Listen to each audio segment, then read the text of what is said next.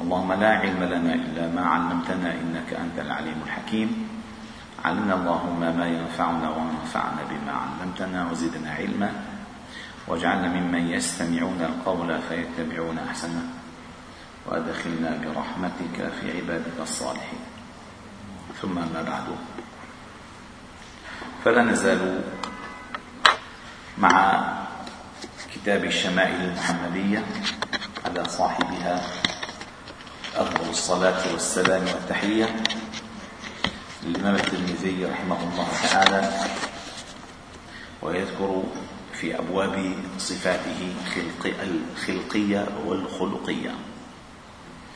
ثم قال باب ما جاء في ذكر خاتم رسول الله صلى الله عليه وسلم يعني الذي يلبس في اليد في الأصبع يعني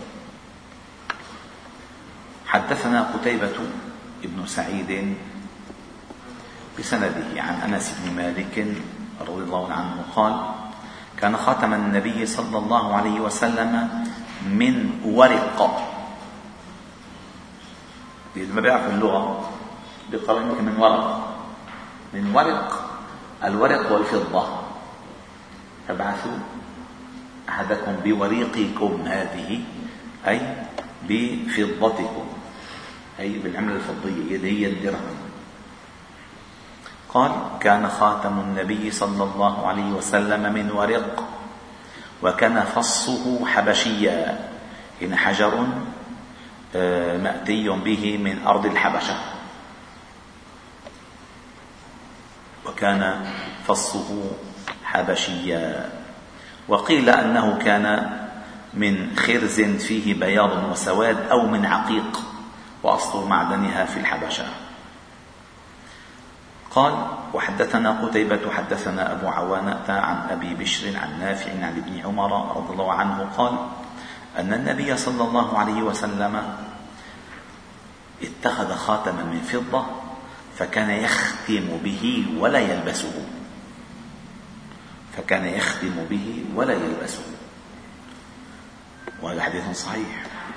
وحدثنا محمود بن غيلان حدثنا حفص بن عمرو أو ابن عمر ابن عبيد وهو التنافسي حدثنا زهير أبو خيثمة عن حميد عن أنس بن مالك رضي الله عنه قال كان خاتم النبي صلى الله عليه وسلم من فضة فصه منه أي من فضة.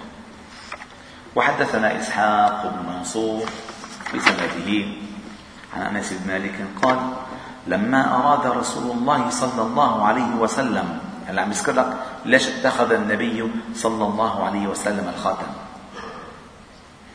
قال لما أراد النبي صلى الله عليه وسلم أن يكتب إلى العجم قيل له يا رسول الله إن العجم لا يقبلون إلا كتابا عليه خاتم يعني مختوم مختوم إن العجم لا يقبلون إلا كتابا عليه خاتم. فاصطنع خاتما فكأني أنظر إلى بياضه في كفه. يعني الفضة شو لنا؟ بيضاء وكأني أنظر إلى بياضه في كفه. وحدثنا محمد بن يحيى بسنده عن أنس بن مالك. شوف لاحظوا كان حديث أغلب الأحاديث في الشمائل أغلبها في من كان احتكاكه كبيرا بالنبي صلى الله عليه وسلم. ليش؟ لأنه يا خادمه يا زوجته يا رفقه يا حرسه لأنه بيشوفوا أكثر بيشوفوا أكثر. خدمت النبي يقول أنس بن مالك خدمت النبي صلى الله عليه وسلم عشر سنين. عشر سنين. فقال عن أنس قال كان نقش خاتم رسول الله صلى الله عليه وسلم محمد سطر ورسول سطر. والله سطر يعني محمد رسول الله. هيك فوق بعضهم محمد سطر رسول سطر والله سطر. هيك من تحت لفوق. وحدثنا نصر يعني مشان الختم يكون مثل ما قربنا يقول سبحانه وتعالى آه قال سننظر أصدقت أم كنت من الكاذبين. اذهب بكتابي هذا فألقه إليهم ثم تول عنهم فانظر ماذا يرجعون. قالت يا أيها الملأ إني ألقي إلي كتاب كريم. كريم المقصود فيه مختوم كما قيل بعض المفسرين قالوا مختوم. إني ألقي إلي كتاب كريم. إنه من سليمان وإنه بسم الله الرحمن الرحيم. ألا تعلوا علي وأتوا مسلمين. فهذا كانت الكتب. هيك كانت كتب ترسل. سبحان الله. على فكرة اللي بيطلع بالموضوع التاريخي ما في شيء تغير. بس الوقت قضية طول, طول, طول المسافات. بس بصير كل شوية كان مثلا الإيميل ياخذ الرسالة هلا. كما زمان الطير الزاجل ياخذ لي الرسالة.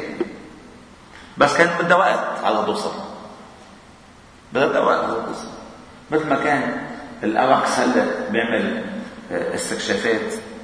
طيران استكشاف وكان الهدهد يعمل طيران استكشاف سبحان الله. ثم قال وحدثنا نصر بن علي الجهضمي أبو عمرو. حدثنا نوح بن قيس عن خالد بن قيس عن قتادة عن أنس بن مالك رضي الله عنه أن النبي صلى الله عليه وسلم كتب إلى كسرى وقيصر والنجاشي. يعني كتب كتبا يدعوهم فيها إلى الإسلام. مع أنه مبارك ما عملته عيد فصح مجيد عيد وطني جيد. إيه؟ هلا بيعملوا الطريقة إنه لا لا كانت كتبا يدعوهم فيها إلى الإسلام. المراسلات لها قيمة. قال كتب إلى كسرى وقيصر والنجاشي فقيل له يا رسول الله إنهم لا يقبلون كتابا إلا بخاتم. فصاغ النبي صلى الله عليه وسلم خاتما حلقته فضة ونقش, ونقش فيه محمد رسول الله صلى الله عليه وسلم. صلى الله عليه وسلم. وحدثنا إسحاق بن منصور بسند عن الزهري عن أنس بن مالك قال أن النبي صلى الله عليه وسلم كان إذا دخل الخلاء نزع خاتمه. لأن إجلالا للفظ الجلالة وخشية أن يقع. يعني كان حقول صون صون ما فيه ذكر الله عن الأماكن الغير جيدة. وحدثنا إسحاق بن منصور بسنده عن ابن عمر رضي الله عنهما قال اتخذ رسول الله صلى الله عليه وسلم خاتما من ورق. أي من من فضة. فكان في يده. ثم هذا الخاتم نفسه. ثم كان في يد أبي بكر. يعني بعد وفاة النبي صلى الله عليه وسلم كان خاتم النبي صلى الله عليه وسلم في يد أبي بكر.